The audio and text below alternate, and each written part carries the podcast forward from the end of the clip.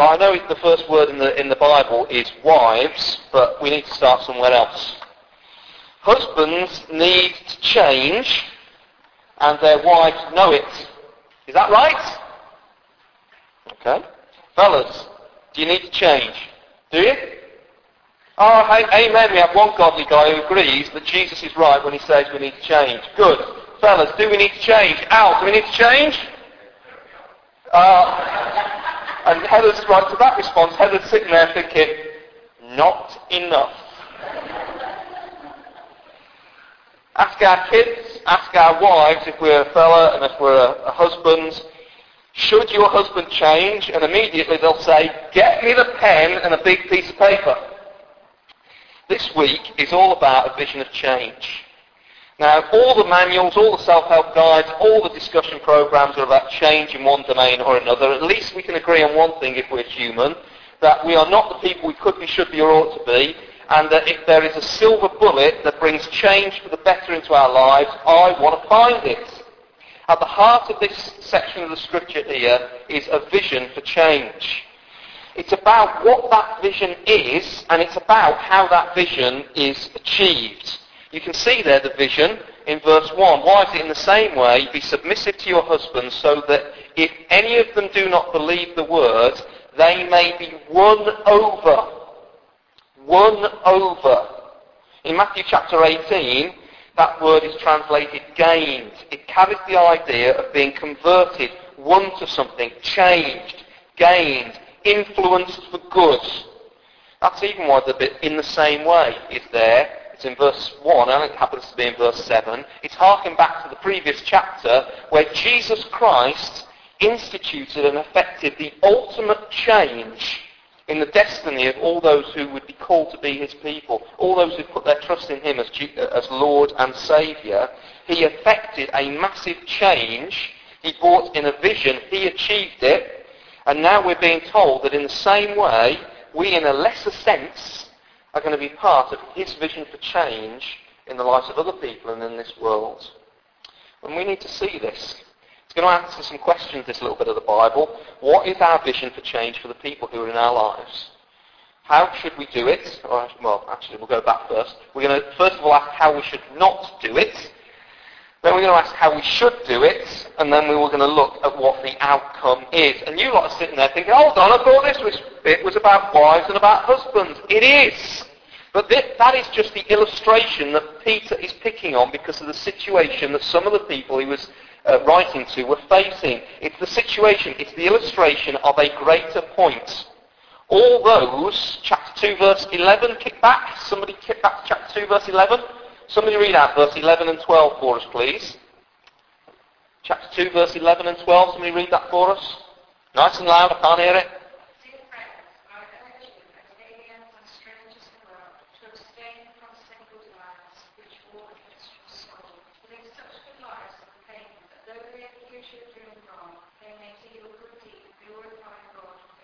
That's brilliant. Thank you ever so much. Did you hear that?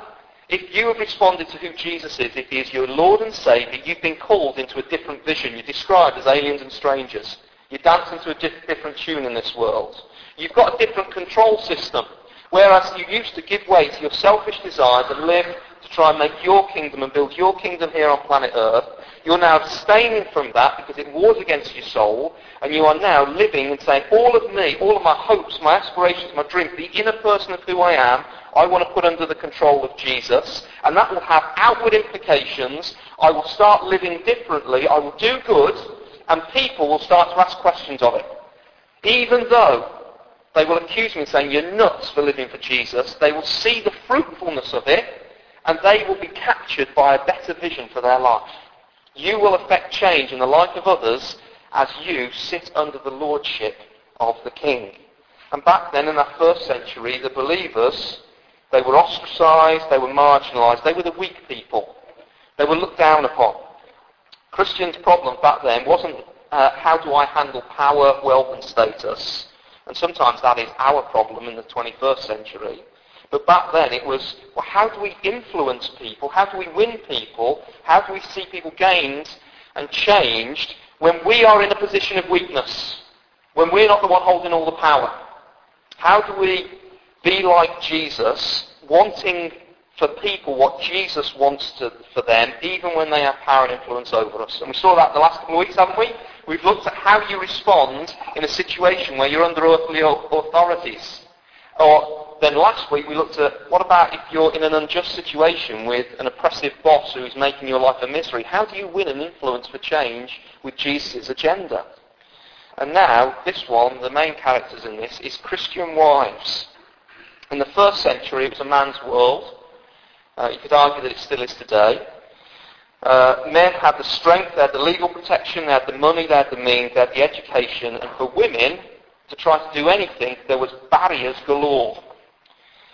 And so if you're a wife who's stuck in a far from perfect relationship, perhaps your husband is abusive, more likely that your husband is just simply abdicating responsibility, perhaps he's not even a believer, and you're in this position of weakness but you know you belong to Jesus, and you know that Jesus has a plan and a vision for you to live out being like Jesus in that situation, even though it's painfully hard, how do you go about doing it?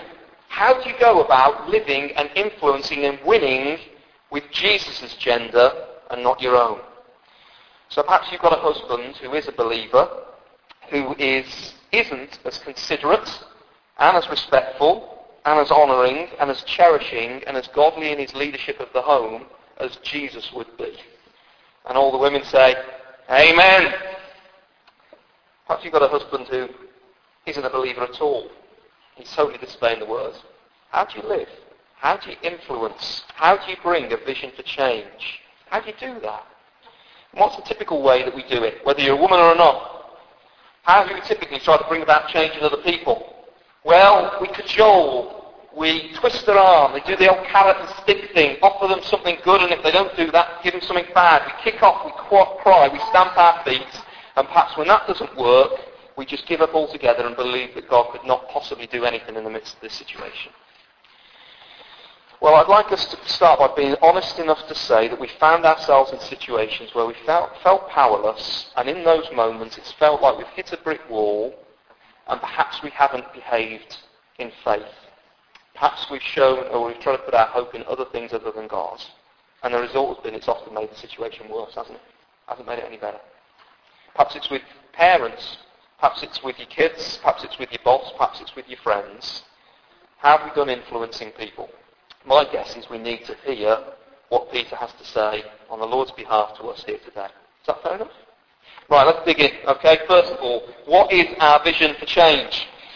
Now, the first thing you need to check here, and because you're a sinner, and because you're selfish, and because you, but you want to abstain from those sinful desires that, uh, that, that war against your soul, you need to be honest enough and put your hand up to say that quite often the main vision for change that I have for another person who is in my life is that I want to bend them to my will and to my agenda.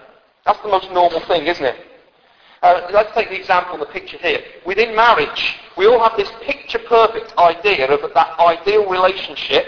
I like and value these kind of things and have these kind of interests. I'm going to find somebody who likes the same as me and will help build up and bolster my vision of what I want marriage to be. So immediately, we've got to be honest and say we walk into situations with agendas, which is why marriage can always be so difficult because you've quite often got the clash of two agendas. Now, Joe and I were talking about this the other day. Uh, marriage is great, but listen, when you get married, you swap one set of problems for just a fresh new set of problems. Okay? And I don't want to undermine the struggle here that some people can find themselves in relationship situations that just nag at them every day. What do I mean by that? They just bring you down and you just can feel utterly hopeless. Uh, sometimes you can be stuck, if you're a, a, wife, you can be stuck in a relationship with somebody who is delinquent, who can be an abusive idiot, who can just be a layabout. If a woman's natural tendency is to nag, a fella's natural tendency is to neglect. There just seems to be something in the way that we are wired as men and women, and that's just difficult, isn't it? Uh, a little word to single mothers here. Uh, have you noticed how and this won't be a surprise to you if you are a single mum, that you're amongst the people who have the least options for change in your circumstances among anybody in our country. Quite often single mums are amongst the poorest in society.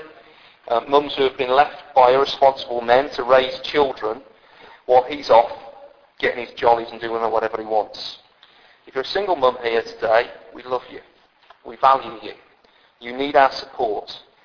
Uh, I'm just so encouraged because so many women rise to that challenge and they do it magnificently. I've got, there's two of us who are trying to bring about kids and it's a struggle. I'm quite happy to stand here in front of you and to say that to raise kids on your own is the toughest job in the world. It's a hard road and the Lord will honour you for doing it. But what's your vision for change? There will be implications if you're a single mum who's, been who's had to, to make things happen and get stuff done if you find somebody who is a potential life partner, somebody who you're going to, a fellow who you're going to marry, your getting things done will get carried into that relationship. You need to think about the imbalance there and how you're going to address that. Because when you get married, uh, you become not one who gets it all done, added on, no, one new item. You need to think that one through. What about if you're in a situation where you're married to somebody who is not a believer? And this can happen for several reasons. You can find yourself married to a believer because you were backslidden and in sin. You can find yourself married to an unbeliever because, well, you got converted after you were in a, in a committed relationship. You can find yourself um, married to an unbeliever because somebody who was professing Jesus when you got married has walked out on the faith. And it's so hard every day the reason it's hard is because marriage is supposed to be the most intimate of relationships where you share all your hopes, dreams, visions, plans and goals. And the person who is closest to you does not share the most precious thing in your life, i.e. they worship something different to you do.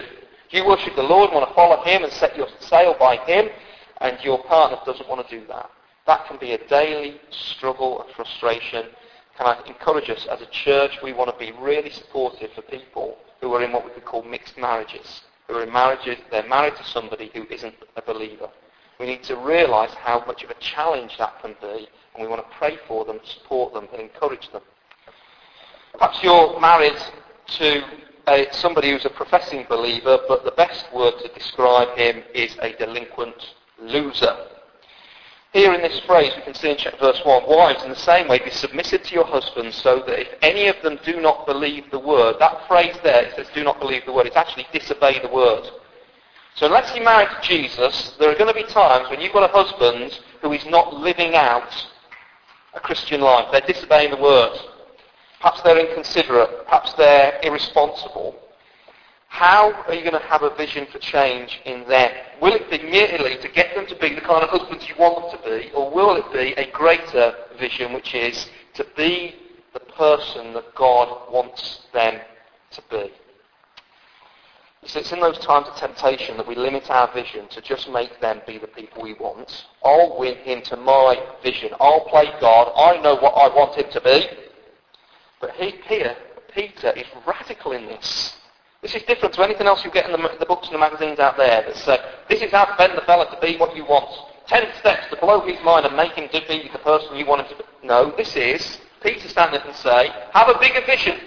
Love is having a vision for somebody and being prepared to put time, energy, money, your heart into it. Have a vision for this person to walk humbly before their God with all their uh, strength, with all their mind, with all their soul, with the whole of them.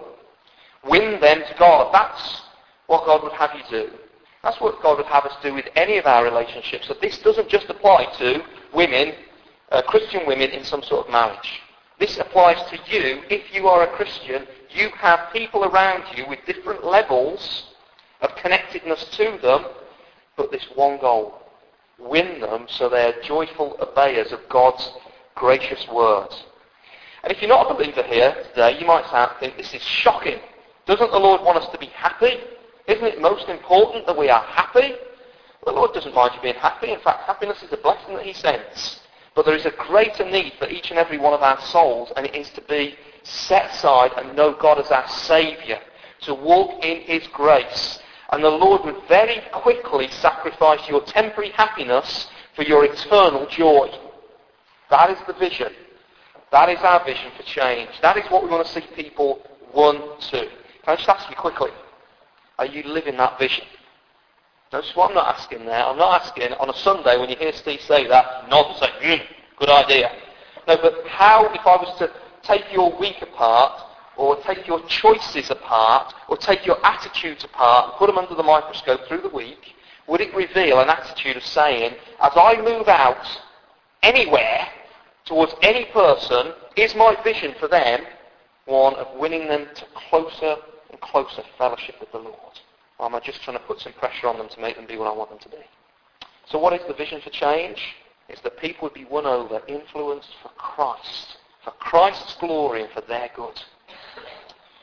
So if that's what the vision for change is, how shouldn't we do it? And again, we've got to focus quite heavily on the illustration here of what Peter gives for us. How shouldn't we do it?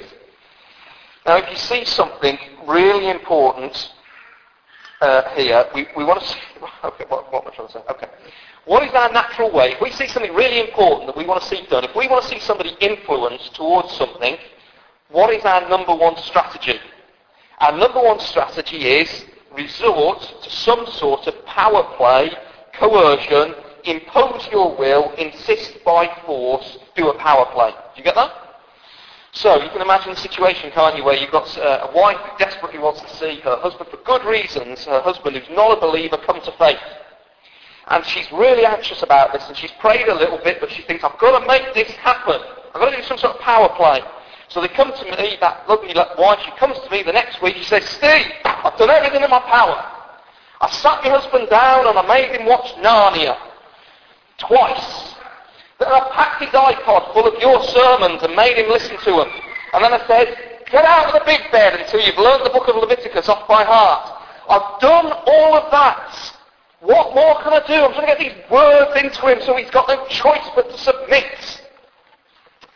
Could I suggest you might want to change tack on that just a little bit? Or if, well, you've tried to fill in with good words, you could always try and fill in with bad words, couldn't you? Um, criticism, nagging, point out his failures. Because you're a Christian, you're so much more, well, morally aware, make him feel inferior. And as we've already said, quite often men will want to neglect, but women will always want to nag. And I suppose you need to ask you to be honest with yourself, ladies, has that worked for you so far? On the basis of your nagging, has your husband ever come round and said, I've seen the error of my ways and I just joyfully and happily want to follow what you say? Does that work for you? No. Can I suggest that that's not going to work? If you've already given the words, more words won't help. Okay? There comes a point where words won't cut it anymore. Alright? Okay, so I'll try another strategy. So I've tried it through the ears. I know I'll try it through the eyes. Verse 3, Your beauty should not come from outward adornments such as braided hair and the wearing of gold jewellery and fine clothes. That braided hair thing, they used to do this thing in the first century where they get all the hair, big super bouffant with big bangles in it, and they'd grab the poor lady, hopefully not by her ankles, but they'd grab the whole, the, the lady, and they'd like dunk her in some sort of like gold paint. So all the hair was all covered in gold paint. It's a little bit like Desperate Scousewives or, uh, you know, the, um, the Only Way is Essex or whatever it's called. It's sort of that kind of, you know, sort of eyelashes out here, all the whole thing. up. yeah. So right, I'll try through his ears. That won't change him. What I'll do is I'll try it through his eyes. I will put my hope to bend him to my will through my beauty and my outward adornments. That word there, beauty, is adornments. Uh, adornments comes from the same root word of where we get the word cosmetics from today. Okay? So the outward appearance. Beauty and adornment, I will make him putty in my hand. Can I tell you, that's just another act of coercion. That's just another power play. And can I tell you, it will shoot you in the foot. Because it's a very time-limited thing. Trying to control a fella by your outward appearance will be fun in your teens. Where are the teenage girls? It's what you're all encouraged to do, isn't it? Let's all look like Nicki Minaj so we can make um, men eat out of our hands. It'll be fun in your teenage years. It'll be fine in your 20s. It'll be fading in your 30s for everybody except my wife. It'll be failing in your 40s, and beyond that, you can forget it.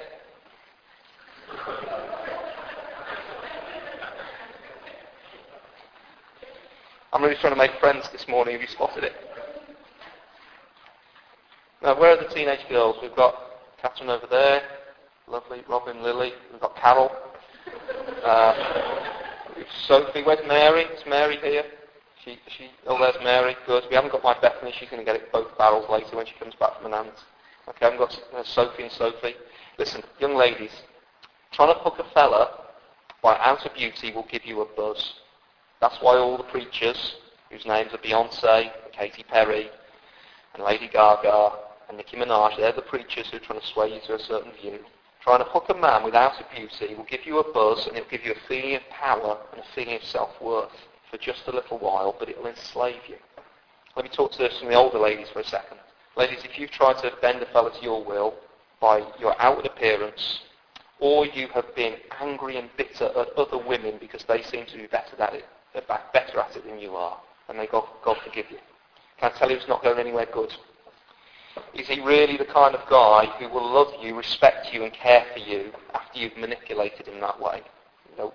You get a guy like that, and it will be fun for about 10 minutes, but it won't take more than 10 minutes for you to realise that once you've got him, you haven't won the lottery. It's not going to go anywhere good. And I realised that um, preachers of the modern age and the worldly strategy is to bring about change in people, to influence them, to win them to to your vision by that means. But it is usually your vision, and it's a horrible one. So if you're a more of a sophisticated, uh, more mature lady here today, you'll probably be using, trying to use the words to do it. Uh, if you're a little bit younger, you'll realise that your words aren't actually quite as wise as you wish they were, and so you'll be trying to use the appearance to do it. This is the world's way. Please don't be surprised if it leaves you feeling empty and disappointed. And the Lord has such a better vision for you than that. And the reason that we know this is because when Christ won us, did he use a power play? Did he shout loud and nag? Did he manipulate with vain things? No. By his love, his mercy, his service. If you're a Christian here today, you're a Christian willingly, aren't you? That can surprise people out there. People think, oh, yeah, I'm only a Christian because of the, you know, he's, he's nasty and horrible, and I best do as he tells me, otherwise he'll do something horrible. No, you're a Christian here today willingly because Christ wooed you, won you, so that you willingly and joyfully will follow his word anywhere he leads. So if that's not how to do it, how should we win people? And I want to read through the whole of verses 1 through to 6 again, and then we'll pick some points out, okay? Wives, in the same way, be submissive to your husbands, so that if any of them do not believe the word, they may be won over without words by the behavior of their wives when they see the purity and reverence of your lives. Uh, your beauty should not come from outward adornment, such as braided hair and the wearing of gold jewellery or fine clothes. Instead, it should be that of your inner self, the unfading beauty of a gentle and quiet spirit, which is of great worth in God's sight. For this is the way the holy women of the past who put their hope in God used to make themselves beautiful. They were submissive to their own husbands, like Sarah, who obeyed Abraham and called him her master. You are her daughters if you do what is right and do not give way to fear. So listen, we need to get into this illustration here that is put here. Okay. So the illustration is, is of, a, uh, of a wife who is married. She's a Christian she's married to a fella who may be confessing Jesus but is inconsiderate and being ungodly and is not the kind of leader and husband that she wishes she had. Or it could be that he's not a believer at all. And the assumption here is that she has spoken the word, but he has rejected it. She has influenced towards Jesus with her mouth, and he has rejected it. Um, so we are supposed to talk, but a point comes where we just need to leave that one with the Lord and take a different tack. Uh, you see, there's two dangers for us in, in, our Christian lives. Number one is that we don't talk about Jesus enough and we don't uh, spread the word. Maybe that's a danger for you. But then there's an equal danger, which is a danger to try to say too much and browbeat people. And what we're told here is instead of doing that, win them without words. They need a sermon, all right, but it's a sermon of your life. It's a sermon without words. Now this applies to all of us, whoever we are, because you can all think of a situation where perhaps you're thinking, have I pushed it too hard? So as parents who desperately want to see our young kids um, uh, to faith, We are to, to open the Bible with them day by day. But a point comes where you've got to lead enough of that, keep doing that day by day, but browbeating them with chapter and verse. Actually the better thing to do is to just let your life speak. As they watch you respond in grace and in mercy. As they see you walk in forgiveness of people who've been against cruel to you. The way in which you extend generosity even to your enemies. Let that happen. Perhaps if you're, um, what about your parents who don't believe, or you've got friends who don't believe? A point comes where you've got to let your life speak. The word's there so that if any of them do not believe the word, they may be won over without words by the behaviour of their wives. That's the word conduct, and it's been coming up again and again and again and again through 1 Peter. Your conduct will speak. So there is a time to shut up and speak without words. There's a time to show the power of the message by how you live with Christ as your hope. And that becomes irresistibly attractive. That's what the Lord is telling us here. It will win people. Now, let's go back to the specific example here, which is to wives. But actually broader than that. This is how to be a godly woman. Now next week we're doing one verse, which is verse 7 on the fellas, and they need to come with their body armour, because I've decided my, my strategy with the fellas. I'll speak gently and graciously when it comes to dealing with women, but the fellas, blow out grace. I'm just going to give you a bit of law and give you both, you know, fellas. That's next week. So come back, fellas, next week, and get it between the eyes, okay? But this is how to be a godly woman. First thing, if you want to uh, influence, win, gain people, and particularly your husband, be submissive. It's Doing all right till I said that. It's a dirty word in our culture, that isn't it? Be submissive. That's a dirty word. Well, in that case, let me explain what it doesn't mean. It doesn't mean that a fella in your life has got ultimate authority over you. Now, God has ultimate authority, and God has ordered the way in which relationships, human relationships, to work in a particular way. And just as there is deference, submission within the Godhead, Father, Son, and Holy Spirit, there is equality within the Godhead, Father, Son, and Holy Spirit, but there is joyful and willing submission. So the Son joyfully chooses to do what his Father has called him to do. And just as there is order within the Godhead, there is order in the way that the Lord has put together family relationships and societal relationships. And the order is, is that men are to, to be leaders within the home, but they are not the ultimate authority and they are not God. What else does submission not mean? It doesn't mean that you can't have any independent thoughts and ideas. The whole likelihood as to why your husband married you is there was some sort of spark of personhood in there that he found attractive and exciting. It doesn't mean you're supposed to be automatons, uh, where, where husband says where you will go, when you will go, what you will wear, how much you will spend, don't know that. All, no, that's not what submission means. Submission means that you're not supposed to have, uh, sorry, doesn't mean that you have no influence. In fact, the person who should be the biggest influence on a husband is his wife. Back in Genesis chapter um, 2, we find that the reason that husbands are given wives is because they can't manage on their own. And the Lord decided, uh, said, I will make for the man a slave. Is that what it says? What's it say? a helper. The person who should be big, the biggest influence on a husband is a wife. It does not mean that you should obey him when he directs you to do something that is sinful. Never do that. It doesn't mean that it's okay for a husband to be abusive and violent. And if you're in a circumstance, a situation like that, you need to realize that there are other authorities that sit over the husband and you should use them. That is the local authorities, the government, the police, and the leaders of the church. If you're in an abusive relationship, submission is not putting up with it. You should come and speak to me or come and speak to the police. It doesn't mean that you're not as intelligent or as competent. The fact of the reality is we have in my marriage two people and one of us is more intelligent than the other. And you just need to check out the GCSE exam results to find out which one it is. I'll leave you to guess.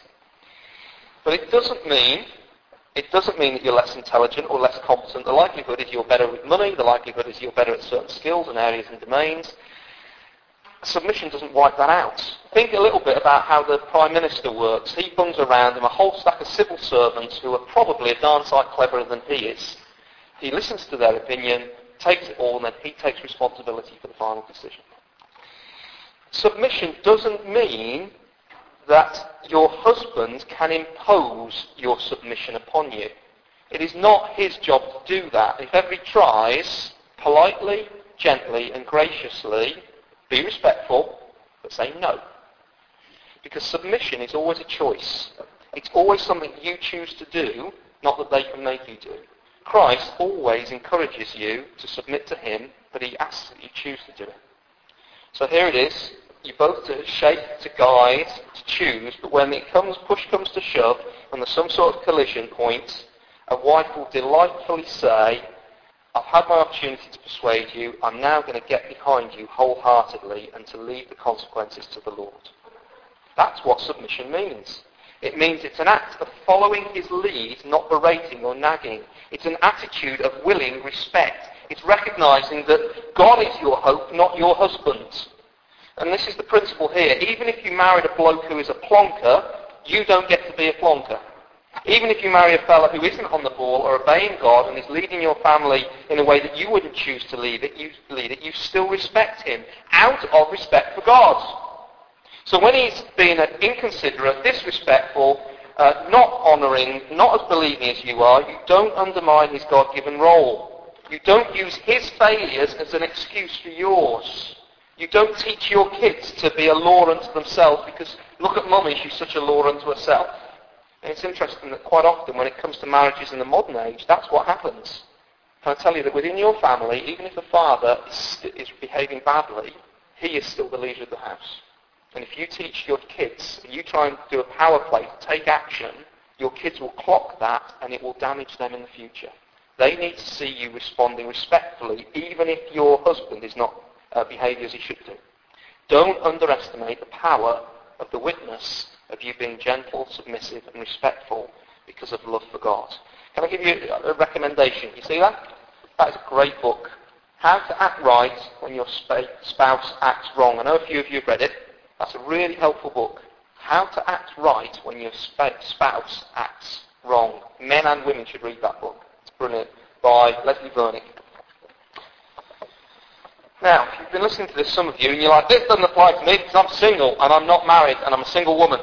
Well, it tells you straight off, straight off the bat that if you are thinking of getting married, pick somebody who loves Jesus and you're going to find easy to trust, respect and submit to. Just because he's thin at the waist and broad at the shoulders and can oh, pick somebody who you will joyfully be able to say, I can defer to his leadership and so respect the Lord. So if the first way we do influence and win people is be submissive, the second one is be attractive. Be attractive. Be attractive. But there's two kinds of attractiveness or beauty that are on show in this. There is worldly stuff, which is outward, and there's godly stuff that is inward. Which one do you think we're supposed to be, ladies? The inward one, the godly one. Be beautiful, but it's an inner beauty. The worldly one is to influence people to your agenda by the way that you look. The godly one is to grow and nurture a character that has walked with Jesus and is trusting of Jesus. Let's have a look. Instead, verse 4. It should be that of your inner self, the unfading beauty of a gentle and a quiet spirit, which is of great worth in God's sight. So here's the kind of woman that when she speaks, you want to listen because of the quality of her life. That's what it means to be a Christian woman. Everyone knows that she say, what she says is worth hearing because she's got character to back it up. Teenage girls, I don't know who your role models are, but they should start in this room. There are some amazing women in this room who live this out and aspire to this, and have, again, year after year, modelled it. Forget MTV. Take your role models from the maturing, godly women in this room. And can I tell you, ladies, I just had to thank the Lord this week. As I went through, I just thank the Lord for you lot, that you're doing this. There's an inner beauty of the women in this church. It says there in verse 4, it says, gentle and quiet spirit. That doesn't mean doormat. Gentle is the word meekness, which is strength, but it's under control. Quiet spirit there is like tranquil. Your spirit is like anchored and firm. it's at peace. It's not flustered. It's not clamouring. It's not out for hostility.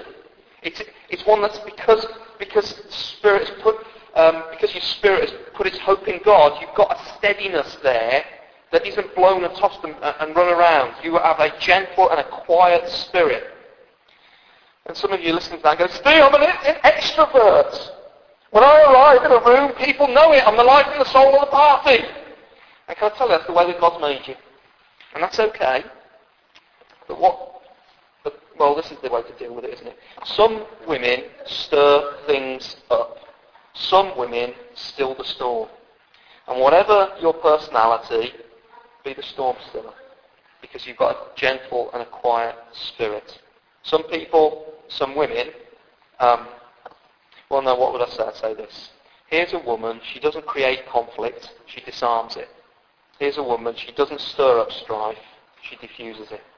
She's not the sort of woman who is carrying around a big tank of petrol, ready the second there's a little spark, she just tips it straight on and boom. Here is a woman of real influence, who really wins people, because she knows her God and puts her hope in him. And can I tell you, that's hugely attractive. The men in this room will tell you that is the kind of woman they want to be married to. I was thinking of that song that the Pussycat Dolls did a few years ago and how ludicrous it is. Their song, Don't You? And it went something like this, the chorus. I couldn't remember it all. Don't you wish your girlfriend was raw like me? No. Don't you wish your girlfriend was hot like me? Yeah, for about 10 minutes, but when I've got to bring up children, when I've got to look after a family, when I've got to build a life together, I want somebody who's got a beautiful inner character. Don't you wish your girlfriend was free like me? No. that means high maintenance. Here's an attraction that fellas want when it comes to building a home.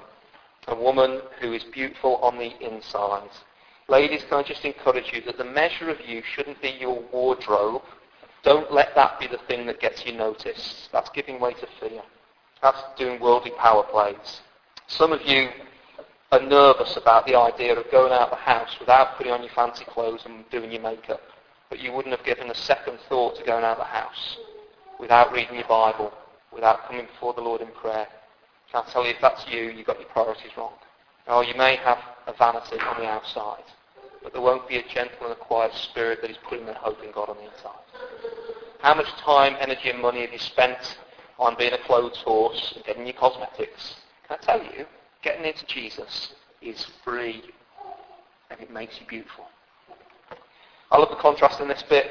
Inside versus outside, perishing and versus uh, perishing versus unfading, valuable in God's sight versus valuable in the world's sight. And I'm so encouraged that we have got a church family that is full of women who won't ever be supermodels, no offence. But you are growing in beauty. Can I tell you some of the most beautiful women in this church? They're the elderly ladies. You can see it in their eyes. I love to talk to you because there's a beautiful, gentle spirit there that trusts in the Lord and knows that He's your hope. You're the most beautiful girls. Forget the teenagers. You're the most beautiful girls in the room. So, one last way in which we can influence here coming out of this, and this is a really funny one, my wife asked me about this before I got up to speak, and it said there, be, uh, it's be respectful, it's in verse 5 and 6. For this is the way that the holy women of the past who put their hope in God used to make themselves beautiful or adorned themselves. They were submissive to their own husbands, like Sarah, who obeyed Abraham and called him her master. So there's my wife sitting in the back going, yes, Master Steve. What's that bit talking about? That's just shocking. The word there, master, can sometimes be Lord with a little L. Is my wife supposed to greet me at the door and say, yes, my lord? Is that the idea? Well, actually, when you track back this story and you find out the story of Sarah and Abraham, you find out that Abraham was an absolute nugget. And Sarah wasn't much better, to be honest with you. There was times when to save his old skin, he virtually prostituted out his wife. There was times when his wife, Sarah, because she wanted kids and couldn't have them, said, go and sleep with the servant so we can have kids. So both Abraham and Sarah were blonkers. But there was times, there was a time when the Lord brought a message in about how the Lord was going to work in their life, and Sarah laughed to herself. But even in the midst of that, even in the midst of a struggle and a failure, she was still respecting her husband. What is the point here? I think the point here is how you speak about your husband. You are respectful. So let me just apply that really quite carefully. It's how you talk when he is not there. Do you have your husband, your fella, wondering what you are saying behind his back when you meet up with your friends and when you speak to your mum?